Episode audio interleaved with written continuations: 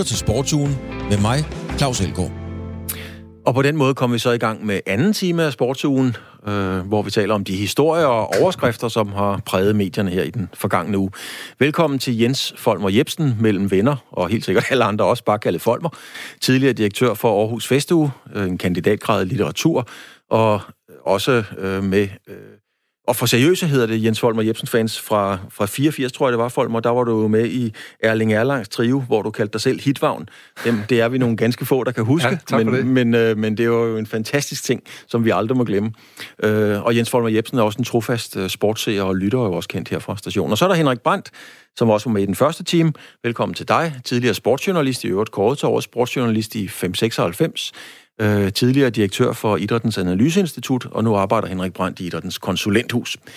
Øh, Jens Folmer, i første time, der talte vi om at få tilskuere tilbage på lægterne og i hallerne, altså væk fra tv. Du har jo brugt meget af dit liv på at skabe oplevelser og rammer og gøre noget interessant. Hvad er sportens største udfordring i den disciplin? Ja, det ved jeg ikke. Det er i hvert fald ikke, det er ikke bare knips med fingrene i hvert fald. Det har jeg i hvert fald lært fra, fra kulturens verden. Det mm. får man ikke folk af. Men jeg tænker, at noget af det, man kunne tale om, det var måske uh, troværdighed og uskyld og måske også øh, øh, altså troværdighed, som også måske hænger sammen med, at man har tilhørsforhold til et sted. Det er jo, synes jeg, på afveje i øjeblikket, de der tilhørsforholdsting. Hvad mener du med uskyld? Altså... Øh, øh, begejstring, i stedet for at det hele tiden... Øh, altså noget af det, en af de historier, jeg har taget med, handler jo blandt andet om, at, at man snyder, fordi at det hele bliver sådan big corporate efterhånden. Man skal vinde, man skal dit, og man skal det for en hver pris. Så spillerne, de bliver egentlig bare øh, møtrikker i et stort maskineri, øh, sportsfolkene bliver møtrikket i stor maskineri, i stedet for, at det bliver spillerne, vi kommer ind for at se som dyrker og elsker deres sport.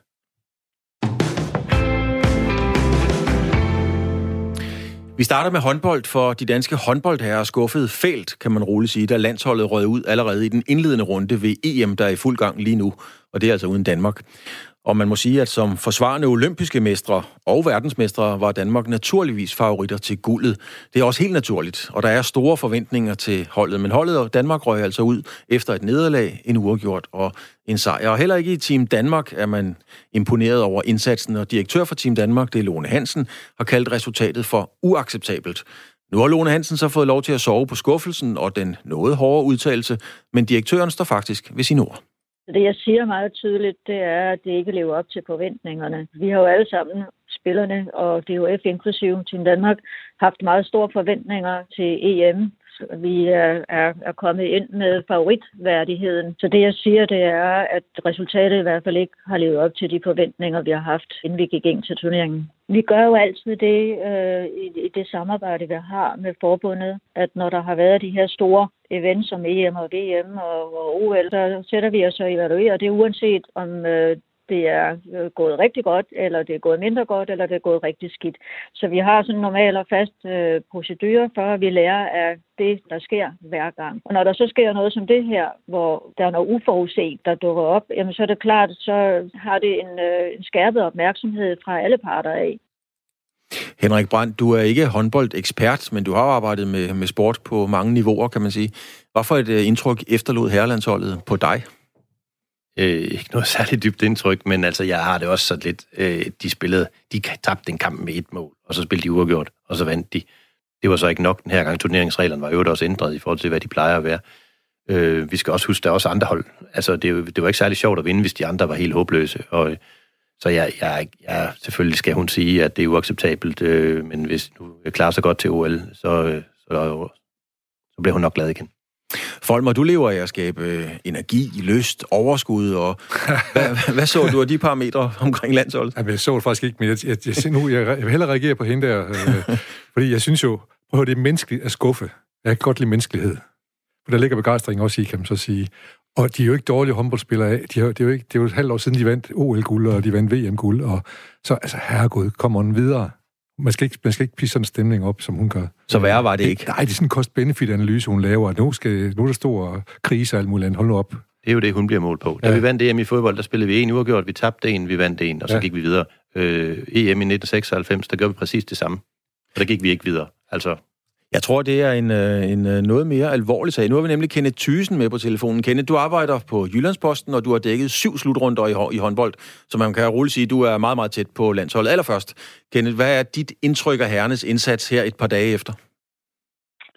Øh, jamen, jeg synes først og fremmest, altså de ord, øh, som bliver brugt, fiasko og, og alt det her, det synes jeg jo er ganske rigtigt. Øh, fordi når man kommer som forsvarende verdensmester og olympiske mester, øh, så er det selvfølgelig ikke godt nok at, at få den dårligste mesterskabsplacering. Jeg tror, det var 15 år. Øh, det siger sig selv. Øh, men, men jeg, som, som de siger i studiet, så er jeg også enig i, at man skal også lige trække luft ind øh, i forhold til det her. Og øh, det, som jeg noterede mig efter efter slutrunden, det var selvfølgelig, at, at spillerne de var mest alt chokeret over, at det kunne lade sig gøre, at de på den måde sådan kunne være sammen, men jeg fornemmede hverken på, på, på DHF eller på spillerne eller, eller noget som helst omkring, at det her det er et fundament, der er ved at falde fuldstændig sammen. Øh, så ja, jeg har også den fornemmelse, det er også det, som man siger fra DHF, hvor jeg nu, nu trækker man luft ind, og øh, så skal man gå det her igennem, og så tror jeg, at man har et, et godt landshold til, til OL igen. Men, men det var klart, det var da en kæmpe skuffelse og en stor overraskelse, at man, man på den måde kunne falde igennem. Men nu siger Lone Hansen, altså direktøren i Team Danmark, hun kalder det simpelthen uacceptabelt, sover på det og kalder det stadigvæk uacceptabelt. Er det okay? Altså, det er jo en hård melding. Jamen, jeg synes, altså det uacceptabelt, jeg synes, er lidt pudsigt ord at bruge i, i sport, men altså, jeg, kan, jeg tror, alle kan være enige med, med Lone Hansen i det, hun siger også med, at det er uventet overrasket. Øh, og det, det er godkendt, og jeg tænker også, at kritikken fra Team Danmark, den skal ses i lyset af, at, at det er jo hæftigt, det er jo et af de her øh, en af otte såkaldte verdensklasseforbund, Øh, og sidste år der fik det DHF omkring 12 millioner kroner i, øh, i støtte. Så selvfølgelig skal man have forventninger til, og store forventninger til, at de skal præstere. Men, men i, øh, i DHF så tvivler, altså, tvivler man jo stærkt på, eller jeg tvivler stærkt på, at DHF tænker, at man skal være bange for at miste noget af den her støtte, fordi at Danmark er jo også et af de store, håndboldherren er et af de store medaljehåb ved OL til sommer. Øh, så jeg tror ikke, at man, man går der og er bange for, at, at Team Danmark vil hisse op og, og true med det ene og det andet. Øh, men omvendt, så DHF-formand Per Berles, han kaldte jo også forleden, det er et frygteligt dansk håndbold. Øh, så, så jeg tror at man er, man er bevidst om, at det ikke er, det ikke er fremragende overhovedet, men, men jeg tror ikke, der er grund til panik. Hvad siger du til snakken om øh, en ny træner, altså at øh, Nikolaj Jakobsen skal til debat? Øh, er det fuldstændig hul i hovedet, eller er det, eller er det fair nok at tage det? Øh, jeg tror, de fleste vil sige, at det er hul i hovedet. Øh, jeg har sjældent mødt nogle spillere, øh, som er så glade for den træner, som, som det er med her i landsholdet i forhold til Nikolaj Jacobsen. Øh, hans resultater i Regne Løven og sågar også i den danske liga indblandstræner, det siger det, siger det hele. Og han, I sin første slutrunde, der han altså i forlænget spilletid med Danmark i, øh, i 18, øh, ender med at så blive nummer 4, og ved VM, der leverer man noget af det mest suveræne nogensinde med, med 10 kampe, 10 sejre og bliver verdensmester. Og så går man over den her øh, turnering nu, og, øh, og ender med min skuffelse, det er klart. Men der var også det her element, der hedder, at formatet ændrer sig. Lige pludselig så var der øh, kun to i stedet for tre hold, der gik videre. Øhm, og der skal man det huske at gøre sig umage fra start, for ellers så, så er man ude, og der er ikke plads til at dumme sig. Og det gjorde Danmark, og det kan man selvfølgelig også sige, at øh, man møder hold som Ungarn og Island, som ikke tilhører verdenstoppen. Og øh, det er selvfølgelig ikke tilfredsstillende, at man når øh, to kampe ikke kan slå dem. Men, men jeg synes simpelthen ikke, det ændrer ved, at han er øh, det absolut bedste bud på en landstræner i de næste mange, mange år. Øh, og jeg tvivler meget, meget, meget stærkt på, at Johef går overveje at finde noget andet. Men, men altså, man må jo også sige, at vi kommer ind i turneringen som, øh, som forsvarende olympiske mestre. Vi er verdensmestre, vi er verdens bedste hold. Så er det jo ikke flot at blive europamester. Så må man jo godt kunne tillade sig at sige, på, når man snakker elitesport på det niveau, så er det simpelthen bare et krav. Altså Morten Olsen var engang træner i Ajax. Han vandt pokalen og mesterskabet, og så blev han øvrigt fyret. Og den slags historier har man jo set mange af. Så i det lys kan, er det så fair nok at, at, at tage Nikolaj Jakobsen op til overvejelse? Øh, igen, jeg tror ikke, han er til overvejelse, men jeg tror, der er gang i en proces i de næste måneder i forhold til øh, at finde ud af, hvad, hvad i alverden var, der skete med det der hold, og hvorfor var det, at Nikolaj Jacobsen han ikke øh, kunne tænde den gnist i holdet, når de taler om spillerne, at de, virkede, altså, de virkede skræmte, og de virkede bange for øh, at spille mod, mod de her hold, som de er langt bedre inden, og når der var pres på dem, så knækkede det. Og det ender jo selvfølgelig tilbage ved, ved Nikolaj Jacobsen, hvorfor han ikke kunne få Mikkel Hansen til de rigtige situationer, hvorfor kunne han ikke få, få Rasmus Lauke til at ramme de ting, han skulle ramme, osv. osv. Øh, men på det overordnede plan, så, så er det ikke et tema, fordi jeg tænker også, at man i DHF har andre flere eller andre ting at kigge på. Altså man har en, en kvindelandstræner, man skal have fundet, og øh, et ord eller meget op til, så jeg tror slet ikke, at, at det, er, øh, det er det, der er i tankerne. Når man sidder og kigger på det over kakkelbordet, og med min forstand på håndbold, som, som jo ikke er større end almindelig tv-seers, så ser jeg bare en meget træt, en tydeligvis uoplagt Rasmus Lauke, som i perioder jo helt enkelt ikke kan hverken kaste eller gribe, og det er jo ganske uforståeligt. Omvendt ved jeg også, der sidder en Morten Olsen, der er kåret til den bedste spiller i Bundesliga, en verdens bedste liga. Han spiller faktisk ikke ret meget. Så tænker jeg bare, at det ikke det, træneren skal lave om på. Så absolut, og det underlige var jo også, at man fra den side talte om indturneringen, at man havde en, en bredde, der var helt uovertruffen. Øhm, og det fik man jo ikke set. Lars Andersen, for at starte med ham, han spiller et kvarter, Jakob Holm, som er fremragende i Berlin. Han kom til ind. Morten Olsen, som du siger, Bundesligaens bedste, øh, spillede en birolle. Og til sidst går han jo også øh, fra den sidste kamp og, og vræser lidt. Øhm, så det, det hænger selvfølgelig på Nikolaj Jacobsen, og jeg, tror alle vi siger, at det var ikke godt håndteret. En Rasmus Lauke kommer jo fra en, en skadesperiode, og, øh, og ramte jo slet ikke noget. Han skulle nok have været ude noget før, og den falder selvfølgelig tilbage på Nikolaj Jacobsen, og jeg tror faktisk, at han mere end nogen anden vil ærge sig over det her i, øh, i de her uger, at han måske ikke valgte at give Morten Olsen mere spilletid, måske valgte øh, at stole for lidt på Lars Andersen og Perker Pollen og på mange af de andre dygtige bagspillere, når eksempelvis Rasmus Lauke han ikke ramte det, som han plejer at ramme mere. Når man kigger på holdet, øh, Kenneth, er, er, er der uro i hierarkiet? Øh, er det det, der er problemet? Fordi der er jo et problem. Øh, det, det må man jo sige, når vi ikke kommer videre. Er det hierarkiet, der er uorden i, eller, eller hvad? Hvordan tolker du det? Øhm, det fornemmer jeg faktisk overhovedet ikke. Øh, jeg fornemmer et, et meget stærkt hierarki. Der er sådan en, en lille bande på en 5-6 stykker i Niklas Landin og Rasmus Lauke, Henrik Mølgaard og Mikkel Hansen. Øhm, der har vi ellers Lasse Svand, blandt andet, som, som styrer det der landshold ganske, ganske fornuftigt. Og de har en leder i øh, Nikolaj Jacobsen, som han stor tillid til, både på sådan det menneskebsmæssige og også på det taktiske. Øh, så i den vej igennem, der fornemmer jeg ikke, at der er nogen uro i hierarkiet, men jeg fornemmede klart efter slutrunden, og når man sådan banker lidt på vandrørene, at man var meget, meget overrasket over, hvordan at det her meget, meget stærke og stabile landshold lige pludselig øh, ikke bare tabte, men man, man, altså bunden røg ud af holdet øh, mod hold, som man skal vinde over. Øh, det, var, det var de meget overrasket over. Jeg tror ikke, de kommer til at få betydning for hierarkiet. Jeg tror heller ikke, man vil se frem mod OL nogle af de, de her bærende 5-6 spillere øh, blev flået ud.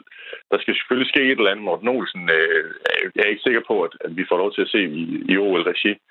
Øh, men ellers så, så fornemmer jeg egentlig et hold, som er nogenlunde, øh, eller nej, det vil andre sige, et hold, som er meget, meget stabilt i forhold til det ledelsesmæssige og det, det hierarkiske. Øh, så kan man så sige, om har man været god nok til at implementere nye spillere på landsholdet. Altså en Lasse Møller løber rundt ned i Gok og er fremragende, og det yngste beholdet, det er, det er Magnus Savstrup på 23, øh, hvor man kan se i, i Frankrig og Portugal blandt andet, som, som blomster VM nu, og der har man mange, mange flere unge spillere med. Det er noget helt andet, men på, på toppen af hierarkiet og på lederne på holdet, øh, der er der ro på, og der er tillid til, at det er de rigtige mennesker. Det er i hvert fald klart det, jeg fornemmer, når jeg hører rundt omkring. Så, så var der en ting, øh, folk må nævnte også lige her, det her med det nye format. Altså, jeg var indrømme, at øh, jeg blev lidt hissig, da jeg så, det må jeg gerne sige. Jeg har arbejdet for Morten Stig Christensen i 16 år, og er gode venner med ham. Men jeg kunne næsten ikke holde ud og se den der store mand stå og sige, at der er kommet et nyt format, og det var vi slet ikke klar til. Prøv at høre, de skulle bare vinde de kampe, der var. Sådan er det vel at komme til EM. Altså at give formatet skylden, det er der ja. lidt købt. Altså, det er i hvert fald... Øh, jeg tror, jeg kan ikke engang huske det helt præcis, hvad han sagde i et interview. Der. Jeg tror også, han trak lidt i land og sagde, at det var deres egen skyld, men du har helt ret, at det er jo ikke, det er jo ikke formatets skyld, at Danmark går ud. Øh, man må jo ikke, hvis man var havnet i en pulje med, med Frankrig og Norge, øh, jeg ved ikke, om det går overhovedet at gøre sidensmæssigt, så kunne man begynde at tale om, at det var benhårdt, men altså, Ungarn har, så vidt jeg husker, ikke vundet en medalje i, hvis, hvis nogensinde i et mesterskab, og Island, det er også været mange år siden. Øh, og så har man Rusland til sidst, som også er, har været større. Så, så jeg synes ikke, der er noget øh, der overhovedet i forhold til formatet. Jo, man skulle være man var mere presset, end man tidligere har været, men når man kommer som olympiske mester og verdensmester og har en 3-4 af verdens bedste øh, og den største bredde overhovedet, så er der absolut ingen undskyldninger for at gå videre, også selvom der har været skader, også selvom der har været sygdom osv. osv. Øh, der er ingen undskyldninger. Lige til sidst, uh, Kenneth Thyssen, der, der venter et OL, det er faktisk lige om hjørnet. Er Danmark stadigvæk blandt favoritterne top 3 til at vinde det OL? Ja, det vil jeg mene. Øh, det vil jeg klart mene. Og jeg, jeg tror, når det her kommer på afstand, og øh, nogle af de bærende, som jeg nævnte før, de lige har fået sundet sig på det, og der er blevet talt igennem, øh, så tror jeg rimelig hurtigt, man kan ryste det her af sig. Øh, ingen tvivl om, at det var en stor, stor fiasko. Men, men det er før set i OL-år, at nogle af de store nationer ikke har præsteret slutrunden op til, og så kommer bullerne til, til de olympiske lege. Jeg tror også, man får det til at se i, i, i dansk sige. Om det er nok til at gå hele vejen, det bliver spændende at se, men, men jeg er ikke bekymret på, hvis jeg sad i DHF og tænkte, at det her det er et landshold, som skal ind og hente medaljer, øh, set i det her perspektiv. Tak fordi, Tusind, du har tid til at være med. Tak skal du have. Ingen problem. Kenneth Thyssen, altså håndboldekspert fra Jyllandsposten, har dækket seks slutrunder og er meget, meget tæt på holdet. Her var hans øh, vurdering af det hele. Henrik Brandt, øh, vi var lidt inde på den der snak omkring en, øh, en ny træner, Nikolaj Jakob. Hvad tænker du, øh, når man tager sådan en snak frem? Jeg gør det selv her. Er det helt, øh, er det helt vanvittigt at bare begynde på det? Nej, nej jeg, jeg, er ikke, jeg er på ingen måde håndboldekspert. Altså, det vil jeg overlade til folk, der er tæt på, ved jo om... Det er sådan mere etikken i det, kan man sige. Det er jo en del af, af rumlen. Altså, sådan er det jo altid, hvis man, øh, taber. Og nogle gange også, selvom man vinder, som du siger. De har, vi har også, jeg synes det, jeg kan huske, vi fyrede landstræner efter vi vandt OL øh, ved herrene. Så ja, jeg, jeg synes bare, det er en del af, af, af ja, underholdningsbranchen eller håndboldinteressen, at man diskuterer de her ting, når det ikke lige går, som man havde, havde håbet.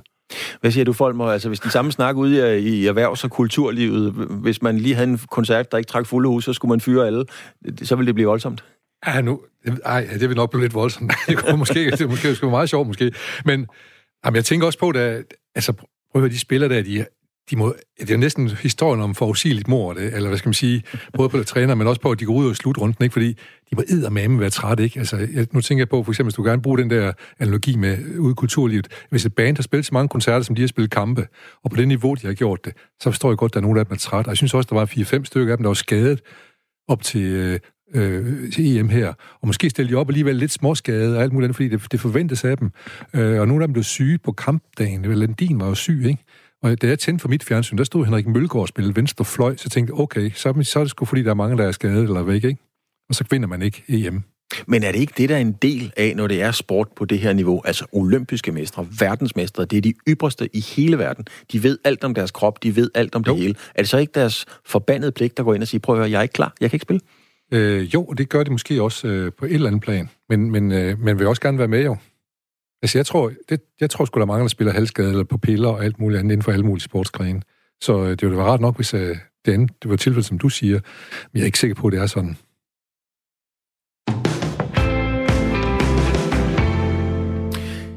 Så skal vi kigge øh, lidt på lidt fodbold, fordi det bliver nemlig Ebbe Sand, der skal være ny assistent for Åke Harreide ved EM i fodbold til sommer. Og det blev klart i fredags. Jobbet som assistent det blev ledet, da Jon Dahl Thomasson sagde ja tak til jobbet som træner i Malmø. Tommy Poulsen, også kaldet Tommy Kuglepind, han er fra Vejlams Folkeblad. Han har fuldt landsholdet i en menneskealder, og det er det kan jeg skrive under på, meget få journalister, der nyder den samme respekt i landsholdsspillere, i landsholdslejren. Det er både for spillere og ledere, øh, som Tommy Poulsen gør. Her er hans kommentar til Ebbe Sand som ny assistent. Til det job, han skal have, det har han hele pakken. Altså Ebbe Sands svaghed med, han er, han er stoppet som sportsdirektør både i Silkeborg og i Brøndby i utide, men, men det er jo for der, der mangler han netværket til at købe og selv spiller. Det skal han jo ikke i den rolle her. Han, han har selv stået i den rolle. Han har været angrebstræner for landsholdet. Han har været ind over, han har prøvet det selv og han er ambassadør i Schalke 04, så, så han, kan, han vil aftvinge den respekt hos uh, spillerne, der skal til en øh, assistenttræner. De vil have tillid til, at de kan tale til ham på samme måde, som de har kunnet til Jon. Så han, han, han er nok den perfekte, eller han er den perfekte løsning. Jeg synes, det alt andet ville være tåbeligt ikke at, at tabe sand, når han nu er ledig på markedet. Altså lige nøjagtigt til det job, som, som Jon har haft, der vil han kan gå ind og, og gøre det på nøjagtig samme måde. Og det er jo så få kampe, og så EM. EM har han også været med til. Han var med til VM i Frankrig i 98 og så videre. Så han er jo øh, han er den perfekte løsning til, til det job, han skal passe, og det er så kun et halvt år. Så, så, så altså min mening er, at vil det have været det eneste rigtige at få ham som uh, i, i den rolle. Altså, da, da, man kunne have rykket Morten Vikors frem, men altså, når, når man nu vil lave en forskel på den gamle og den nye uh, træner, ja, så, så er det, det, det, det den helt perfekte løsning efter min mening. Ebbe, Ebbe han har hele pakken. Hele pakken, Henrik Brandt, siger Tommy Poulsen her. Hvad er det for et signal, DBU sender ved at ansætte øh, Ebbesand? Jamen, de sender det signal, at de, de, de skulle finde en, der var ind til posten, og øh, de har jo truffet beslutning om, hvem der skal være landstræner efter EM, men det er klart, at øh, Harreide skal jo også have lov til at, at gøre det færdigt, og øh, det var jo DBU's i princippet skyld, at Jondal han stoppede, og, øh, øh, fordi de ligesom ikke havde, han havde ikke en stor horisont øh, ved DBU. Så jeg, jeg synes også, jeg er helt enig med Tommy Poulsen, at det er, det er nok øh, den løsning, der var. Og det var også den person, man kunne få fat i til det her job, skal man jo ikke glemme. Men jeg tror, at han er fuldt egen til jobbet. Folmer Jeppe Sand, er det det rigtige valg? Altså man kan sige, han er jo, han er jo i den grad firmaets mand. Det har han altid været. Og, og så er han måske lidt ufarlig på en eller anden måde. Han er, han er, en, han er en høflig mand. Han, mm-hmm. han, og det er måske også det, man skal være det job, han har. Det er i hvert fald ud af til, kan man sige. Og det var, altså, jeg, jeg, hvis jeg tænker noget, så, så er det måske netop, at han er lidt for, lidt for høflig. Øh, men, det, øh, men jeg kender ham ikke sådan, øh, hvordan han er på en bane. Jamen, vi taler EM. De skal spille på hjemmebane. De er mere tændt. De har en landstræner, der kender dem ud og ind, der kender modstanderne. De er fuldstændig velforberedte. Øh, så jeg tror ikke, hvis vi skal sidde og evaluere øh, fodboldlandshold, ligesom vi sidder og evaluerer håndboldlandshold nu efter EM, så tror jeg ikke, vi når frem til, at det var Ebbe Sands skyld. Jeg tror, at øh, det er meget fornuftigt, det de har gjort. Det er helt sikkert. Så man kan også sige, Harald, hvis han er tilfreds, så, så er alt jo godt. Det er jo, hans, det er jo ham, der skal arbejde med ham, kan man sige. Ikke? Men nu, nu siger du, at han er, en, han er en høflig mand, og det er Ebbe Sand. Han er en særdeles høflig og meget, meget sympatisk mand. Nemlig. Øh, men hvis man kigger på selve udtrykket i hele pakken af at ansætte ham, og ser helt bort fra hans kvalifikationer som assistenttræner, om han kan analysere, eller hvad han kan, hvad er det så, hvad er det så DBU vil sige med at tage ham?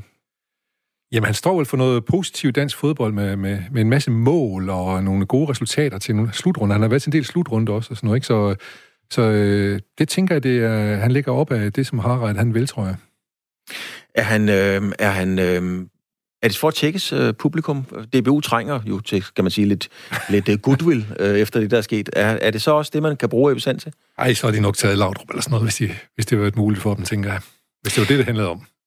Da Jon Dahl var assistent, havde han i perioder en del analytiske opgaver. Åke Harreides taktiske, taktiske indstilling, kan man sige, den er måske til at få øje på, øhm, selv uden den større trænereksamen. Åke Harreide tænker og spiller meget defensivt. Og her er Tommy Poulsens vurdering af Ebisands taktiske og analytiske betydning for holdet. Jeg ved ikke, om han er en analytiker på samme måde, men, men altså, det er vel heller ikke så meget uh, analysen, som, som han skal kunne. Altså, det. Uh, Jon Dahl lavede vores øh, uh, 4-0-sejr over Polen. Der havde han et par idéer, som han kom med på forhånd. Og Ebbe Sandgers kan så også taktisk uh, bidrage med nogle ting. Så, uh, så jeg ser i det daglige, alle de der 0-0-kampe, dem, øh, dem, dem står der harrejde på. Så, så, og dem har der været flest af. Altså den kamp, hvor Jon han virkelig har, har påvirket landsholdet, det var den 4-0 mod Polen. Der var det hans taktik, vi spillede, og der, og, og der lykkedes det hele. Så, så, så, men, men det er jo også kun den ene gang. Det var også Jon, der havde kampen over, hvor de, vi spiller 0-0 i Georgien, hvor, hvor det ikke gik for godt. Så, øh, så, så det tror jeg, det, det synes jeg ikke, man kan, man kan sige. Ebbe, han kan sagtens udfylde den rolle, så, som han får. Og, og taktisk, der spiller holdet jo stort set på samme måde hver eneste gang. Så altså, nu skal man ikke gøre landshold til nogle store taktikere. De spiller simpelthen så defensivt øh, i alle de fleste kampe. Og, og det, det, det, det, det, er en, det er en taktik, som Harald også praktiseret i Brøndby. Så, så, så det, for mig at se, er det, er det Harald, der, der præger taktikken de fleste gange. Henrik Brandt, du er, øh, det kan lytterne jo ikke se, du sidder rent faktisk i noget fodboldtøj her. Du har lige været på, ude at spille med dit hold, du selv træner. Øh, giver det mening, det Tommy Poulsen siger her? Øh, jamen, Tommy, som du selv sagde, han ser rigtig, rigtig mange fodboldkampe, men jeg har nu personligt sådan, jeg kan faktisk godt lide at se vores fodboldlandshold spille. Jeg synes, det er, det er spændende at se, hvordan de løser opgaverne, og spændende at se øh, de her skolede spillere, og jeg, jeg synes også, det er helt fuldstændig legitimt, at vi har et fuldstændig vanvittigt godt forsvar og målmand. Øh, det starter der. Altså, det gør det også, når jeg er ude øh, med mine øh, knejder, uanset om det så er på det ene niveau eller det andet niveau. Så jeg synes, at... Øh, øh, og så har vi jo de spillere, vi har. Altså, den, vi havde den samme diskussion i gamle dage med Richard Møller Nielsen. Altså, han fik jo også en masse godt ud af de spillere, han havde. Så jeg, jeg har enorm respekt for det arbejde, Harald har lavet. Folmer, du er i, kommer fra underholdningsindustrien. Det er der ikke meget af, når Harald spiller. Nej, men øh, jeg, jeg, kan, jeg kan godt lide en mand, som, øh, som han har fået koncept ned over det hold, der, som det hedder på moderne dansk. Mm. Øh, og det er som om, han, at, at, at han har de spillere, der skal til for... Altså, det, det passer til de evner, de har. De skal jo ikke spille ligesom 86 hold, det gjorde eller noget andet. De skal spille sådan, som, som de gør nu. De har jo ikke tabt en kamp. Nej, det har, de jo, det har de jo så ikke. Det bliver også en hård en at skulle løfte efter. Men Tommy Poulsen, han mener også, at Ebbe Sand som øh, person, altså med hans øh, menneskelige egenskaber og kvaliteter, øh, er den helt rigtige mand at sætte på præcis den post. Ja, bestanden er, er ledig på markedet, og man skal ikke ud og købe ham fri. Alle de andre emner har jo job. Så, så derfor er Ebbe Sand jo også oplagt. Men, men også fordi han er den, der har spillet flest landskampe. Han er den, der har været til med til flest slutrunder. Han var med, at Danmark havde størst succes i 98 ved VM i Frankrig. Altså, han har været inde over. Han, han har hele pakken, og, og, og man må sige, alt det, han var igennem i Schalke 04, det, det har jo også været, været vigtige kampe, og der han, har han et enormt stort navn. Altså, han kunne tage til Schalke i morgen og få, og få job dernede, det er der ingen tvivl om. Og så er han altså, som sagt ambassadør dernede, så, så, så ja, jeg mener simpelthen ikke, der kan være nogen tvivl om, at det var ham, de skulle gå efter. For, for mig at se, var det så oplagt en løsning, og det går fint, at, at, at Peter Møller, som jo også var med i 98, at han har fået øh, Ebbe Sand på plads. Ja, altså, så må vi jo dertil ligge måske, at det kommer Ebbe Sand ikke op fra sund omegn, så jeg tror også, han har begge ben solidt plantet i jorden. Jo, han kommer, op fra, han kommer i den grad op fra, fra Hadsund, og han har i den grad også begge ben solidt plantet ja. i jorden. Og jeg har haft fornøjelsen af at være i, i Schalke, også når Ebbe har spillet, og også efter. Og det er jo en fantastisk status, han har, og ambassadør og rolle og så videre. En, en flot repræsentant, kan man, kan man roligt sige, fra, fra, fra sporten. Jamen, nu er jeg så gammel nok til, at jeg også kan huske VM i 1998, og øh, som jeg husker det, så spillede vi faktisk jammerligt kedeligt. Og der var ingen, der kunne forstå, hvordan det kunne være så kedeligt. Og så lige ah. pludselig, lige pludselig, så eksploderede det hele. Så vandt vi fire i over Nigeria og spillede en god kamp mod Brasilien. Det i, Men de første kampe, ja. de, var da, de var da utrolig kedelige. Enig. Er vi enige i det, Folmer? Ja, det, ja, altså, det var netop... Det var, dengang de spillede mod Nigeria, jeg tænkte, wow, kan de det her? Det var jo helt... Der var Ebbe Sand også, øh, var scoret han ikke også den kamp der? Jo, det er jo, Ja. det er jo den kamp, Ja, hvor, hvor Laudrup vippet- laver... vippet, ja. Han Ja. vipper den ind Ja, til ja. Ebbe Sand. Ja. Er Ebbe Sand ikke lige kommet på banen? Jo, jo, han er, det er måske første gang, han rører bolden sådan noget. Selv Peter Møller scorede i den kamp der. Så, Ja. øh, så ja, lige pludselig blomster det, og de kunne, kunne godt, lige så godt have vundet over Brasilien. Jo. Ja. Det er rigtigt. Så må man sige, at det er lige før, det går løs ved Australian Open, og så ved vi, at vi taler om tennis, der spilles i Melbourne. Australien er voldsomt, og desværre også tragisk plaget af en masse skovbrænde. Og det har været op til debat, om det overhovedet er forsvarligt at afvikle øh, turneringen på grund af sundhedsrisikoen for spillerne, der skal spille med røg i luften. Mens borgerne er blevet opfordret til at holde sig indendørs, ja, så vil man altså stadigvæk have spillerne ud på banen. Men situationen skifter hele tiden afhængig af vejret. Min kollega Louise Pilgaard har netop snakket med reporter fra Ritzau, det er Frederik Bro Knudsen, som er i Melbourne lige nu, og han har denne her øjenvidende beretning. Frederik, hvis vi lige skal yes. snakke lidt om hele den Øh. her, hele den her røgsituation, så har der været enormt meget palaver omkring, da der var en, en spiller tidligere på ugen, som blev nødt til at stoppe en kamp på grund af hosteanfaldet. Hvordan lever, oplever du det? Er det sådan, du kan trække vejret dernede? Ja, jeg, jeg har været her siden fredag, og, øh, og der har luftkvaliteten egentlig været et sted mellem god og moderat. Der har været nogle solskinsdage, og, og nu her til aften har det regnet lidt. Øhm, og det har egentlig været fint med luftkvaliteten her, men der er fortsat mindst et dusin brænde her i delstaten Victoria. Øh, de fleste i det område, der hedder East Gippsland, som ligger omkring 150 km herfra. Og, og det er sådan set tæt nok på til, at det blot kræver et skift i vindretningen, og så kan det blæse ind over byen igen. Øhm, ja, Hvad gør man? Fordi der er jo stadig skovbrand, som du siger. Hvad nu, hvis det lige pludselig bliver et problem, og vindretningen den, den ændrer sig? Har de så snakket noget om, hvad de kommer til at gøre? Ja, altså der har øh, turneringen øh, indført øh, en skala med, med fem trin, øhm, og hvis øh, øh, den her skala, altså hvis luftkvaliteten bliver dårlig nok til, at den ligger på trin 4 eller over, jamen så først på trin 4 på skalaen, der skal lægestaten sammen med dommeren beslutte, om en kamp skal fortsætte, og hvis den er helt op på trin 5 på skalaen, jamen så øh, bliver det simpelthen øh, bliver spillet stoppet ved, ved den første mulighed. Og jeg kan ikke lade være med at, at, at tænke på, at vi hører jo enormt meget om de her skovbrænder, det er helt forfærdeligt. Kan man godt fornemme det på spillerne og på publikum dernede, at der hersker sådan lidt en dårlig stemning over de her massive skovbrænde? Øhm, publikum har, måske, har, har vi måske ikke haft så meget at gøre med endnu. Der har været nogle kvalifikationsdage, hvor, hvor stemningen, de dage, hvor, hvor jeg har været, der har været fin. Øh, blandt spillerne kan man godt mærke, at det er noget, der fylder. Altså flere af dem har egentlig forsøgt at nedtone problemerne de seneste dage, og det, det gælder også Karoline, der, Karoline Wozniacki, der hun blev spurgt til det på pressemødet, men enkelte har også luftet deres bekymringer åbent, og det var blandt andet øh, det kanadiske talent, Chapo Shapovalov, som, som lidt dramatisk sagde, at, at han ikke ønskede at risikere sit liv og sit helbred i så, så ung en alder, hvis han blev sat til at spille under øh, ja, med dårlig luftkvalitet. Men jeg tænker, nu, øh, nu nævnte du øh, lidt tidligere, at det regner altså dernede, så jeg tænker, at det er ret positivt.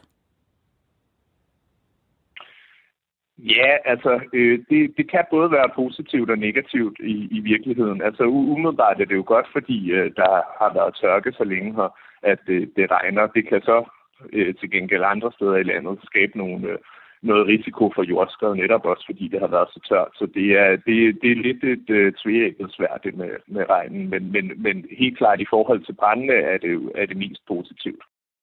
Folk, hvor vi hører her, Ritzau's udsendte, altså øh, Frederik Bo Knudsen, fortæller, at der er indført en skala med fem trin, øh, alt efter hvor mange partikler der er i luften, og hvis det svarer til 5 på skalaen, så skal spillet stoppes med det samme. Hvis det svarer til trin 4, så skal der være en læge til stede, osv.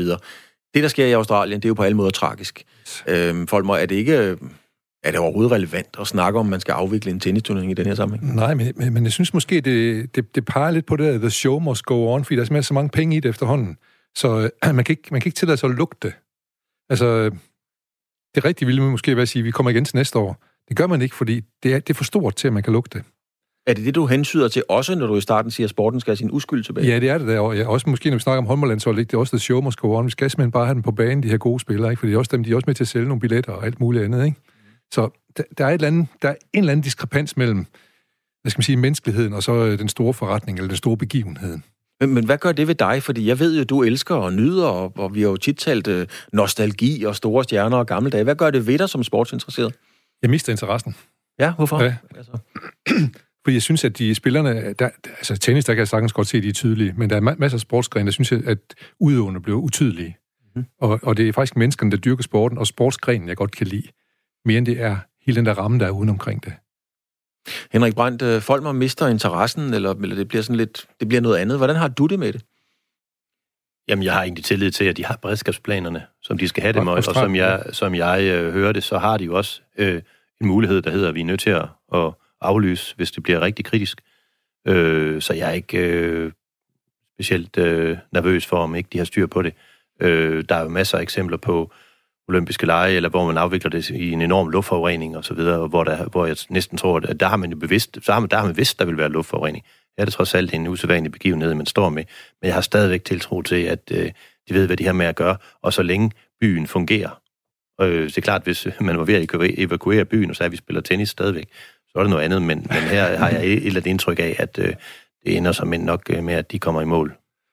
Og så, jeg ja. sige, når, når nu med det der store billede op, så er det ikke myndet på, øh, på Australien, mere som, som en generel tendens, der er ved at ske, der er blevet spurgt om, om, om hvorfor jeg begynder at miste interessen for, for noget sport en gang imellem. Mm. Det, er ikke, det er ikke på grund af, at øh, turneringen for selvfølgelig lader de ikke få at ligge og dø dernede på tennisbanerne, det er jeg godt med på. Men, men jeg synes, altså, jeg tror, der er en idé om det show must go on. Jeg kan huske, jeg læste engang P. Olof Inquist, katedralen i München for eksempel, ja. hvor øh, hovedpersonen fortæller om sin far, der er svensk mester i hammerkast. Og han sætter den ene svenske rekord efter den anden, og så på et tidspunkt, så vejer de hammeren. Og så er den simpelthen for let. Han har snydt, faren. Så den handler om den her søn, der har en far, der er snydt, og det er en skam, han har. Men farens eneste lakoniske kommentar er, jamen folket vil have rekorder. Og det, det er sådan lidt, jeg synes, folk vil have begivenheden. Folk vil have det ene og det andet, og så må vi bare holde det i gang, fordi det er den business, der kører. Ja, katedralen i München, øh, den refererer til terrorangrebet i 72. Det, det er en bog, som handler om sport, og som handler om selvfølgelig 72 OL i München, ja. Jamen, det, det er næsten ærgerligt, at øh, filosofen, som jeg havde i første time, han ikke er med, fordi det, hvad er det? Altså, idræt har jo nogle skyggesider. Dem kender vi alle sammen, og det er en del altså, af, af gamet, og dem skal man selvfølgelig øh, få frem i lyset, når man skal bekæmpe dem. Øh, og man skal, der er jo masser af, af andre øh, udfordringer i idrætten, men også i tennissporten. Øh, så, så, så det er en del af det. Øh, men jeg, så, så jeg tænker egentlig, at det her, det er der måske en, på den der skala over, hvad man kan blive forarvet over idræt, så ligger den her egentlig på min skala ikke specielt højt. Og der vil jeg så lige have lov til at sige, Folmer, du har jo en uh, kandidat, kandidatgrad, jeg kan ikke engang sige det. det kan jeg ikke heller. en kandidatgrad ja, ja. i litteratur. Uh, per Rovink, altså katedralen i München, hvis man har et minimum af interesse i sport eller i samfund, så er det en fantastisk bog at læse. Fuldstændig. Altså helt outstanding ja. bog at læse. Der er slet ikke noget at komme efter. Og Per Olof Inke var jo selv uh, et elitidrætsudøver, som har skrevet bogen, ikke? Ja, hvad dyrker han? Ja, højdespring. Han var simpelthen højdespringer? Ja. Jeg kan ikke huske, var det Enqvist, der også skrev fra ejendommenes liv? Det var det, om H.C. Andersen. Som jo også er en god bog at læse. Det må man sige, ja. Ja. Han, han har skrevet lutter gode bøger, men det er et andet program. Det er et helt andet program, men det kan vi snakke om en, det kan vi snakke om en anden dag. Men jeg ved ikke, hvad du mener med farve, så hvad var det lige, du talte om? Nå, men det her med, om, om, om det er, altså, om, om vi der er der, hvor du, som jeg fornemmer lidt, du antydede, ah. at skulle man aflyse øh, Australian Open nu, og det synes jeg, det er jeg Nå, personligt det... bare sådan, nej, det synes jeg ikke, man skal. Jeg det... synes, vi skal, men jeg synes, det er ret betryggende, hvis de har nogle gode beredskabsplaner. Men det kunne ikke drømme om at sige, at det skulle aflyses nu. Men jeg siger bare, jeg tror heller ikke, det bliver det, fordi at jeg tror, at man har en idé om, at ting skal gennemføres. Tænk engang, at uh, Per Olof Enqvist, han var højdespringer. Det kan ikke komme over. Lars Værge også højdespringer. Ja. Ham havde vi med for sidste gang. Han har sprunget 2 meter og 15. Jeg ved ikke, hvor højt Enqvist har sprunget, men... Nej, vi kan prøve at finde ud af det. det er en helt anden historie. Ja, ja. Nå, så er det jo også i morgen, at, uh, eller i nat, når vi sover, så spiller uh, Karoline Wozniacki. Uh, og det er en speciel turnering for Wozniacki, fordi efter den her turnering, der indstiller hun karrieren. Han har set comebacks før, men hun indstiller karrieren. Louise Pilgaard snakkede også med Ritza og reporter Frederik Bo Knudsen om Wozniacki. Og Frederik, hvis vi så lige vender blikket lidt til øh, hende, vi er allermest spændt på, nemlig øh, Karoline Wozniacki. Hvordan, du har været dernede siden fredag, hvordan er hele stemningen omkring øh, Vossi i de her dage? Jamen, altså, den er jo den er spændt, vil jeg sige. Øhm, det, som, det, som hun selv siger, det er jo, at, at øh, at hun forsøger at gå ind til de her kampe som til en, en hver anden turnering, men man kan jo ikke komme udenom, at karrierestoppet fylder, øh, og, og, og derfor så, øh, så, så er der en eller anden form for spændthed omkring hende. Og det er lige præcis det, jeg tænker, fordi fokuset er måske ikke helt på, øh, på det resultat, hun kommer til at levere, men mere på det faktum, at det her det er hendes aller sidste øh, turnering? Altså det er nu, hun indstiller karrieren. Er, der, er, det ikke, er det ikke det, som folk de går og snakker om? Jo, det er det, det er det, og det var også det, som øh, spørgsmålene til hendes øh, officielle pressemøde her lørdag, inden turneringen begynder, de jo hovedsageligt drejede sig om, og, og hun forsøgte heller ikke på nogen måde at nedtone det. Altså hun, hun, øh, hun snakkede gerne om karrierestoppet, og hun, hun øh, fortalte, at det var en beslutning, som hun havde tænkt længe over, og som hun var meget øh, afklaret omkring. Og, øh, og øh, hun fortalte også lidt om, øh, altså man kunne mærke på hende, at, at noget af det, hun snakker om, var, at livet som topspiller også kan være hårdt. Altså hun glæder sig til, at hendes rejser ikke længere skal være styret af turneringsplaner, men at hun kan få gang i en masse forskellige øh, ja, øh, projekter, som hun så ikke øh, endnu helt vil løfte sløret for, men, men, men at øh, hun, hun har gang i en masse, som hun gerne vil, vil lave, og det, var, det lagde hun overhovedet ikke øh, skjul på, altså at, øh, at karrierestoppet i virkeligheden øh, også fylder rigtig meget. Jeg ved, du har snakket med, eller du har været til, øh, til et øh, pressemøde med blandt andet Simona Halep. Hvad siger de? Er det noget, de nævner, det her med, at Vossi, hun indstiller karrieren nu? Jamen altså, der, jeg har været til, til pressemøder med, med blandt andre øh, ja, Simone Harlep og, og Karolina Pliskova, som jo var nogle af de spillere, som, som Wozniacki har spillet imod, imod igennem øh, sin lange karriere. Og de, de siger alle sammen, at de kommer til at savne hende. Øhm, det, øh, hun er kendt som en både sjov og vældig karakter blandt tenniskvinderne, og, og øhm, og mange af dem husker hende som, øh, eller husker hende nu, hun er jo ikke stoppet endnu, men, man siger, at, det, at hun, hun er, en, er en karakter, som er sjov og vældig, og som, øh, som alle egentlig øh, respekterer, fordi hun har arbejdet så hårdt igennem hele sin karriere. Og så Frederik, lige her til sidst, inden øh, jeg slipper dig, og du kan komme i seng dernede. Du har øh, været til pressemøde med øh, Vossi. Hun skal spille første kamp i morgen. Er hun i, i god form? Er hun klar på den kamp? Ja, men hun, øh, hun siger, at hun er klar til den kamp. Øh, hun går til den som til enhver anden kamp, har hun også sagt tidligere, men, øh, men formen lader til at være, være okay. Altså, hun, øh, hun tabte måske noget overraskende i semifinalen i Auckland, som hun spillede i øh, en turnering øh, tidligere på måneden. Men, øh, men øh, de træninger, vi har kunne se fra, fra pressepladserne, har hun... Øh, har hun set ud til at være i god form. Hun spillede blandt andet et træningssæt her lørdag mod øh, kroatiske Donna Vekic, som øh, hun, hun slog klart. Hun har sig selv på pressemødet øh, nedtonet, øh, hvor meget man skal lægge i et træningssæt, og det kan hun jo nok have en pointe i, men, men hun, hun ser ud til at være klar, og det, øh, det meldingen fra lejren er også, at stemningen er god, og, og at hun er i fin form. Men det er jo øh, en stor usikkerhedsfaktor, hvordan det kommer til at påvirke hende, at hun øh, ja, er i, øh, at, at det er karrierens sidste turnering, øh, og det kan man, har hun også selv øh, sagt, ikke vide, hvordan øh, rammer, når, når hun træder ind på banen. Henrik Brandt, øh, hvis du tager de gamle sportsjournalist-briller på, hvad er det så, der gør, at Karoline Wozniacki altid, og formentlig vil være det mange år nu, er godt stof? Jamen, det er jo først og fremmest, at hun har været der altid, og altid har præsteret, og altid netop har formået at at være klar. Og det, det, er, det er jo ret unikt, at man har været med i så mange år på så højt niveau, som hun har været. Har hun, haft en, øh, har hun, haft en, har hun fået det ud af sin karriere, som hendes øh, enorme talent har berettiget til? Jamen, det vil jeg ikke gøre mig til dommer over. Jeg, jeg har altid tænkt, at det må være meget irriterende at være badmintonspiller eller tennisspiller, fordi alle de går sure hjem, undtagen en. øh, I andre idrætsgrene, vi talte ved atletik før, der kan man jo godt være glad, hvis man bliver nummer 10, fordi man sat personlig rekord. Øh, og det, øh, der, der tænker jeg egentlig, at det må være, det må være en belastning. Men omvendt, som man siger, hvis der er nogen, der har haft øh, erfaring med at håndtere det mentale og det psykologiske i tennis, og også når det er den sidste turnering, den måtte jo komme på et tidspunkt, ja, så tror jeg faktisk lige, det er hende. Folmer, hvis vi kigger på, øh, på hendes karriere, hvor, hvor skal vi placere Karoline Wozniacki? Er vi oppe i Allan Kops, Paul Erik Elstrøm-klassen, eller er vi mere sådan over i, i Svend Prik, Tom Box-niveauet? Hvor er vi henne? Ja, det er mere end Tom Box i hvert fald. Mm. Men øh, jeg ved sgu ikke lige, man kan, det er jo, det er jo æble og appelsiner, vi er i gang med at, at, at sammenligne her, men hvis du kigger på kvindetennis, så er der i hvert fald ingen tvivl om, at uh, så er hun jo helt klart, klart nummer et, ikke? Jo. Selvom vi har haft nogle andre, enkelte andre, som også har været lidt op af snus deroppe, ikke? Men uh, hun er helt klart nummer et, synes jeg også. Jeg synes også, hun har hørt til... Uh, vi havde, havde et program, der handlede om de 10 største uh, idrætspræstationer i de sidste 10. Mm. Og der synes jeg, at hendes uh, kopsejr, eller hvad hedder det, sejr i uh, Australian Open, det var, det var den største, vi havde. Ja, det er der overhovedet ikke nogen øh, tvivl om. Henrik, du siger noget? Nå, men øh, det plejer jo altid at være sådan, øh, lige efter nytår, så har man nået et sportsnavn, og der afslører man jo vinderen, hvem der skal i Hall of Fame, og jeg tror da, jeg tør da godt gætte på, at de har nok ringet efter et tilbud ved, ved billedhuggeren. Mm.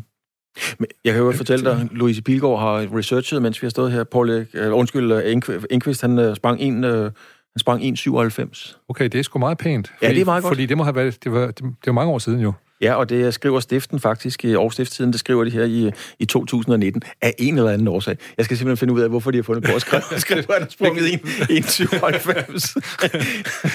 der er ikke sket meget den dag. Nej. det er der altså ikke. Nå, vi må videre. Fordi i Skotland diskuterer man i de her dage, og i de her dage om det skal gøres ulovligt at træne hovedstød ude i klubberne. Det sker faktisk på baggrund af en skotsk undersøgelse om emnet fra oktober, der viser en sammenhæng mellem fodboldspillere og øget demens, hvor overvejelserne peger i retning af hovedstød som den afgørende faktor. I forvejen er hovedstød ulovligt på børneniveau i USA. Vi har snakket med Albert Gede, han er professor i hjernens plasticitet. Øh, han ser gerne, at hovedstød for børn bliver forbudt. Det er jo sådan, at når man laver hovedstød, så slår man til hjernen, eller man skubber til hjernen, så den bevæger sig lidt øh, frem og tilbage inde i kraniet, fordi den er jo øh, hvilende i en væske. Altså, den flyder rundt i en væske, og når man så skubber til den, her, så vil den øh, bevæge sig først tilbage, og så frem og så tilbage igen. Det man kalder, også kalder kontraku, altså et frem og tilbage stød. Og det afhænger jo meget af, af stødets voldsomhed hvad der sker bagefter.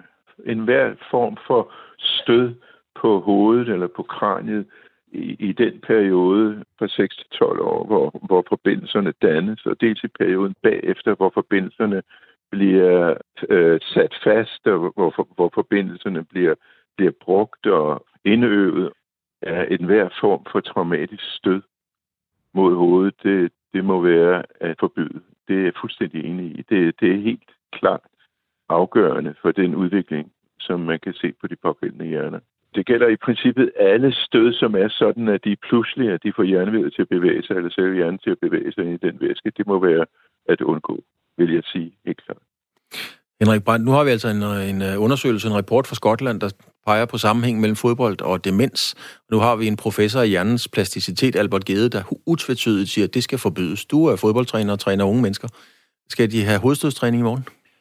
Ja, det skal jeg ikke afgøre. Altså, der vil jeg sige, at det skal øh, altså, sagkundskaben afgøre. Jeg vil bare sige, at øh, der, er jo, der er jo mange forskere, og, og der tror jeg, man skal, man skal måske have en anden form for forskningsmæssig konsensus, før man går ind og siger, at man skal lave nogle ting om. Og, der, der, og det tror jeg egentlig, man har en debat om i alle idrætsgrene løbende. Hvad, hvad kan vi tillade, hvad kan vi ikke tillade? Altså, vi kan jo alle sammen huske, i gamle der havde de ikke benskinner på, øh, når man så Søren Lerby kom, kom spillende, eller de havde ikke cykelhjelm på i cykelløb, øh, hvilket også var set i, i det billede, vi har af sporten i dag, fuldstændig vanvittigt. Så jeg tror, at øh, det skal vi lytte til, men jeg ser ikke, at, at fordi der kommer en enkelt undersøgelse, øh, jeg kender ikke forskningsbilledet, altså der, der tror jeg, at vi skal, vi skal lige være sikre på, at der, at, der, at der er konsensus, og hvad er det for nogle belastninger, man ikke kan tåle osv. Men altså, vi har en rapport fra Skotland, og så har vi en professor i hjernesplasticitet, der siger, forbyde det. Øh, er det ikke her, hvor man kunne sige, hmm, skulle vi ikke lade tvivlen komme børnene til gode? Jo, det, det synes jeg, man skal. Øh, men, men ikke, altså, man kan, altså, der har jo også været debat om kunstgræsbaner. Er de farlige? Er de ikke farlige? Øh, og, altså, vi simpelthen, vi lever, der er jo en eller anden vis risiko i samfundet, og den skal jo op, opvejes med nogle andre ting. Øh, så jeg, jeg, jeg, jeg, vil sige, hvis der kommer en klar utvetydigt øh, forskningsmæssig konsensus om, at det her, det, det her, det duer ikke. Øh, det bliver vi nødt til at pille ud af spillet ved, ved nogle særlige aldersgrupper, eller måske ved alle. Det er jo også galt i andre idrætsgrene. Så skal vi absolut lytte til det. Pierre Bjergård øh, fra DBU, han er formand for DBU's medicinske gruppe. Han siger, og citat, der er ikke noget, der tyder på, at det er farligt for børn at spille fodbold. Der er ingen undersøgelser, der skræmmer i den sammenhæng. Folk, jeg skal ikke på nogen som helst måde øh, stille dig til ansvar for at svare på hjernens plasticitet, men, men man kan sige, øh, selve debatten Altså er det ikke her, hvis der er nogen, noget, der tyder på, at det kan være farligt, er det så ikke her, man skal sige, skal vi så ikke lige vente med at træne hovedstød, til vi ligesom ved, hvad der rent faktisk foregår? Vi skal i hvert fald for først og fremmest være glade for, at der hele tiden kommer ny viden til ting, og så må vi også igen konstatere, at sport er ligesom øh, livet øh, farligt. Øh, så vi skal selvfølgelig være helt vildt opmærksomme. Øh, jeg er ikke sikker på, at vi nogensinde når 100% konsensus omkring, at det, om det er skadeligt, men det skal, vi skal selvfølgelig have noget, noget mere, nogle flere tal på det. Og med den statsminister, vi har, som øh, mener, at hun er børnenes statsminister, så skulle hun, øh, bør hun jo gøre et eller andet ekstraordinært omkring det her, og få det undersøgt, om børn skal have en blødere bold, eller om de øh, slet ikke må lave hovedstød. Jamen, det er jo lige det, jeg vil sige, fordi der er jo nogle muligheder, man har nogle ting, man kan pille ved, og børnene spiller jo ikke med en seniorbold. De har jo en lettere bold i dag. Altså, den vejer ikke særlig meget, den som de mindste børn, de spiller med. Øh, så det, det igen, det er sådan nogle ting, man kan pille ved, men altså, man kan jo godt sige, lad nu være med at træne en masse hovedstød. Det er der altså ikke ret mange børnehold, der gør. Men det er jo et moment i kampene. Øh, og der er jo også forskel på, om det er et relativt blødt indkast, eller om det er en, en, en bold, et udspark fra målmanden, du sætter, sætter panden på. Det har jeg da også altid selv været skrækslagen for. Det er i hvert fald en, øh, et tema, jeg er sikker på, der vil blive øh, taget op. Det er klart, når det er børns øh, ved og vel og hjernen som sådan, at det, det handler om, øh, så er det noget, der helt sikkert og forhåbentlig vil blive diskuteret endnu mere. Det har vi ikke så meget forstand på, men det er en sag, som man i Skotland og rundt omkring i verden faktisk har taget hul på. Folmer, du har taget en historie med om snyd i amerikansk baseball. Snyd er aldrig sjovt, men denne her, den har på sin helt egen måde en eller anden form for humor. Kan du give den korte version ja, af historien? Jeg, jeg, jeg kunne ikke lade med, for jeg aner ikke dis om baseball. men det er jo en ret sjov historie, som handler om et, et hold, som har tabt i, i tre år, så har de tabt samlet 324 kampe. Og så får de en ny træner, og så taber de 112 kampe den efterfølgende sæson, men pludselig så vinder de The World Series. Mm. De blev simpelthen uh, nummer et i uh, USA. Houston Astros, tror jeg, de hedder. Det er rigtigt. Og øh, det er fordi, at man, øh, man, man laver hele organisationen om omkring holdet, og øh, han er en stor held, ham der er manageren, der kommer til, fordi han, nu får han bygget, bygget hele systemet. Det bliver han simpelthen lavet om, og det bliver bygget på viden. Og det viser, noget af det viden, de har fået, det, det er så en viden, som er lidt ufin i kanten. De har nemlig spioneret på øh, de tegn, som øh, griberen, øh, det er ham, der står, der står med et bat, og så bag ved ham, der sidder en griber, som er hans modstander. Han skal gribe den bold, som øh, kasteren han sender afsted. Så kasteren og griberen er på samme hold, og de signalerer til hinanden med nogle små tegn om, hvor bolden skal hen, hvor den skal være, så griberen kan gribe den. Der har de så, øh, og det må man ikke, øh, som modstander må man ikke øh, gå ind og se på, hvad, de, øh, hvad det er for nogle tegn, de giver. Og det har de så gjort alligevel, og så har de signaleret ud til banen øh, via blandt skraldespanden, hvor bolden kommer hen. Så øh, men, men de har så sofistikeret det så også efterhånden, fordi nu har jeg så jeg lige billeder igen af, hvordan de går med sender ind på under trøjen og fortæller om, hvilke tegn øh, øh, griberen har givet til kasteren. Øh, og det i hvert fald virker på en eller anden måde, fordi øh, de blev altså, som sagt, de World Series i år, hvor de en kamp øh, fra at vinde den en gang mere. Men øh, nu er det så altså blevet opdaget big time, at de øh, har snydt med de her tegn, som, øh, som er strengt forbudt øh, at, at snyde med. Og man kan simpelthen høre det på transmissioner. Altså, der er en, der er en tromme. Ja. ja. Altså, jeg ved ikke lige, om det er tre slag på trommen, der betyder, at han kaster ned ved din højre fod. Et skruet bold til højre. ja, det er sådan noget, og så, så kommer det, og det, og det var faktisk sådan, det foregik. Ja. Altså, ja. hvad siger du til den, Henrik? Jamen, altså, folk vil gå til yderligheder for at vinde i sport, ja. øh, så det her er jo bare en en anden form for doping, kan man sige. Øh, det har vi jo, der, der har været masser af eksempler. Der var jo, jeg kan huske ham, den russiske fægter, der havde en lille knap på, øh, på, på sin... åren, eller hvad, så ja, han selv ja. kunne bestemme, om han havde ramt eller ej. Øh, øh, der snakker om, der er hjælpemotor i cyklerne nogle gange, øh, og så videre. Så det her, det er vel bare en, der... Ja, nu, øh, øh, nu. I det katalog der af flid, fedt og snyd i sport. Det er et, et meget, meget tykt katalog efterhånden. Nu bringer du ham på banen. Det var faktisk til OL i 1976. Det var en øh, ukrainsk fægter, der hed Boris Onichenko. Og han havde lavet et, øh, det er jo sådan, når man rammer i fægtning, så, så er der en plade, og så kan man se, så lyser det rødt eller grønt, alt efter hvordan det er. Men han har lavet en lille anordning med en lille tap nede i håndtaget, så når han bare trykkede på den, så klappede knappen i op i den anden ende. Og øh, han var faktisk, øh, han kæmpede med, med den engelske holdkaptajn Jim Fox, og, og Jim Fox blev ved med at sige, han ramte mig ikke, han ramte mig ikke. Og, han, og så begyndte de at undersøge det, fordi han stod fast på den engelske kaptajn, og når en engelsk kaptajn siger sådan, så lytter man. Så kunne de så se i hans kåre, at han havde lavet denne her, denne her anordning. Øh, det var i 76, det var, det var Boris øh, Onichenko. Folk, må du startede med at sige sportens uskyld. Ja, altså jeg synes jo, at man, øh, øh, det blev, altså, det blev mere og mere, jeg, jeg har ikke helt styr på det nu, men jeg, synes, det blev mere og mere sådan corporate, at, der, at nu har vi Astros, nu skal de bare vinde. Og så, og jeg kender ikke en eneste spiller for det hold, men, men det, det virker som om, at øh, øh også, man kan se det i baseball, nej, ja, i amerikansk fodbold havde de også øh, Deflategate derovre, for eksempel, hvor de snød også, ja. hvor øh, Tom Brady, han, eller Brady, han tog øh, luften ud af bolden, så han bedre kunne gribe dem. Øh, så der er sådan en masse ting om, at, at sejren, det er absolut det vigtigste. Øh, og så var det, jeg kom til at tænke på, øh, glæden ved spillet, det forsvinder måske en lille smule. Og noget uskylden går af det.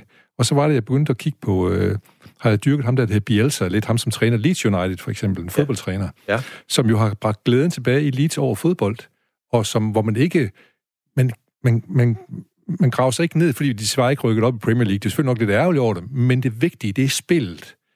Og, og det er, altså, man elsker fodbold. Og det, og det har han så fået hele byen med på det her. Der er en, bare en anden, helt anden stemning i Listen omkring fodbold, om begejstring, og folk er kommet ud på tilskuerpladsen. Han satte spillerne til at, og rydde op ned på stranden, hvor de skulle samle affald og sådan noget. Så de er jo en del af den her by også, ikke? Og så så jeg en lille film, hvor øh, nogle angriber de øver, og så øh, træner, og så kommer der en lang, høj, smider høje bolde frem til angriberne, som skal rende igennem nogle pinde, og så skal de flugte den i mål. Og så er der en, der laver bare en perle af et mål, en af angriberne. Og pludselig ser man en lille skikkelse komme løbende langt væk fra, hen til den her spiller, og så giver han ham den største knuse, man nogensinde har set. Det er Bielsa, der kommer løbende der. det er da smukt. Og det er helt vildt smukt, og det, og det jeg tænker på, det er sådan en, det er sådan en form for uskyld og en begejstring over spillet, mm. som man måske godt kan savne lidt, når man hører om, omkring alt det her, og nu skal vi vinde, og vi vil gerne snyde for at vinde, og Øh, amerikanerne er også gode til det. Jeg så også lige i college basketball, der er en af de store trænere har udtalt, 10 øh, ud af 11 hold, 11 ud af 12 hold snyder. Det hold, der ikke snyder, det er dem, der ligger sidst. Hvad siger du, Henrik? Du træner jo de, de unge mennesker. Altså, er uskylden på spil? Øh, kan, kan du få glæden og alt det, folk må efterlyser her? Er det hos de unge mennesker? Ja, det synes jeg faktisk, at det er, og øh, det skal vi også passe godt på, og det er også noget, man debatterer rigtig meget, for eksempel i, i, i børn- og ungdomsfodbold, at hvis man har det at vinde som det eneste kriterie, så, øh, så får man jo et problem, og måske også på længere sigt med udviklingen af spillerne. Man kan sagtens finde andre momenter, man kan glæde sig over. Øh, og det er jo bare sådan, alle kan jo ikke vinde, men man kan godt, øh, man kan godt lære noget, og man kan godt udvikle sig. Øh, men der er jo altså, når vi kommer op i elitesport, så gælder der bare nogle andre øh, mekanismer, øh, som er helt, øh, altså den, store, den anden store skandale, det er det internationale vægtløftningsforbund, øh, hvordan de har øh, ladet nogle landes øh, atleter slippe for at blive testet, og andre har de slippe, testet rigtig meget, og hvordan nogle af dem øh, kan betale sig fra, at øh, de kan få lov at bruge noget andet urin, hvis, øh, og det er der, hvor det så ikke fik lov, det er øh, ungarsk antidopingagentur, som plejer at have det, der hvor de ikke fik lov at teste, det var til VM i USA, for det ville amerikanerne ikke mm. tillade, der tog de så 24 øh, af vægtløfterne for doping. Øh, det plejer ikke at tage så mange. Og vi er stadigvæk ikke færdige med 2012 øh, OL i vægtløftning endnu, for de er ikke færdige med at teste alle prøverne endnu. Nej, men der er jo, øh, folk, der er jo mange, øh, også, også er de mere sådan, øh, ja, de er jo grove alle sammen, men altså, vi kan huske OL Lillehammer i 94, øhm, øh, Tonja Harding og hendes øh, mand, eller eksmand er det nu, lavede et overfald på Nancy Kerrigan, ja. hvor der kom en, en forbryder ind og slog hende over knæene med en jernstang, ja, ja. for hun ikke skulle kunne stille op. Men det er næsten akustisk i forhold til det andet. men, men, men, men, men jeg, jeg tror hele det der forretningsting, der man skal vinde alt muligt, jeg tror også, det er den der, jeg er helt klar med på, at den er ved børn. Jeg kan også selv se det, når jeg går ned. Jeg går tit ned og kigger på børn, der spiller, men, men når det begynder at komme op på det der niveau, så, så tror jeg måske, det begynder at afspejle, hvordan vores samfund også er, at det er ligegyldigt med, at man snyder. Man kan, øh, det, bare, man, bare man vinder.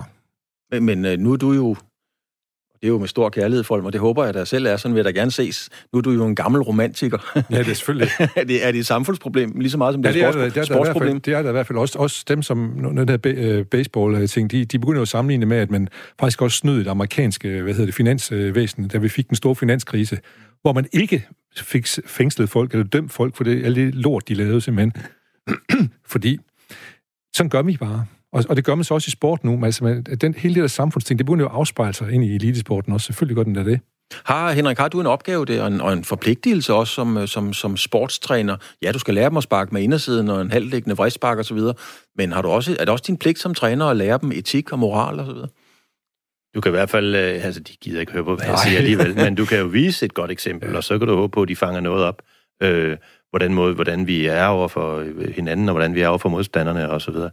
Og der synes jeg da, jeg har, jeg bestemt har jeg da en funktion der, øh, men altså om de så lige i øjeblikket synes, at det er noget, de gider at høre på, men det kan jo være om 10 år, så kan det være, at de tænker, at det var jo ikke helt forkert, det der. Skulle det være en del for mig af træneruddannelsen? Nej, jeg tænker mere på, at det, som er vigtigt, det er jo, at man, man sørger for at skabe en begejstring blandt øh, børn for, for den sport, man dyrker, det er sporten, der som er sjov at dyrke, ikke? Jo, man kan jo, øh, vi kan jo lave en helt gættekonkurrence på skandaler, der har været. Altså, det var sjovt at gøre en dag. ja, Ben, ben, ben Johnson i, uh, i 88 i Doping er let nok. Men, uh, Doping ja, er let ja, nok ja, at komme. Men så har jeg en lille test. Vi har lige et minut tilbage. Er der nogen, hvis I nu siger navnet Fred Laws, hvad siger det så, ja? Jo, noget tennis, eller hvad? Ah. Nej, Fred Law. Fred Law. Noget, øh, New York, øh, er vi der, vi er? Ah, vi er til OL i 1904 i St. Louis. Ah, at nogen vil hoppe op på en lastbil i et maraton. Ja, det, det er meget, meget, meget, meget, meget, meget, meget tæt på. Fordi der sker nemlig det, at Fred Lawson kommer først over stregen øh, i maraton. Øhm, og inden han får sin medalje, så fortæller han dem rent faktisk, at han har kun løbet 14 km. Ja. Resten der han så, der er siddet inde i en bil. Ja. og så sker der også det, at han, øhm, at han får livsvarig karantæne, og, og så videre. Så den omvendte snyd i 72, hvor han løb ind på stadion før øh, guldvinderen i maraton, ikke? Jo, ja. og, og nu vi snakker doping, altså øh, i stedet for dengang, der vandt, øh, der vandt Thomas Hicks, og Thomas Hicks, som fik øh, medaljen i stedet for Lors, lige inden det, der, der, der havde han fået noget, af, noget doping, som man tog dengang og holdt godt fast, fordi han havde lige fået en blanding af stryknin, altså rottegift, øh, konjak og rå æg. Det havde han nappet lige siden. Det virker Så, altid godt. Det vi når ikke længere, godt. desværre. Dit herre, tak fordi I kom. Der er nyheder. Det var Sportsugen klokken 20.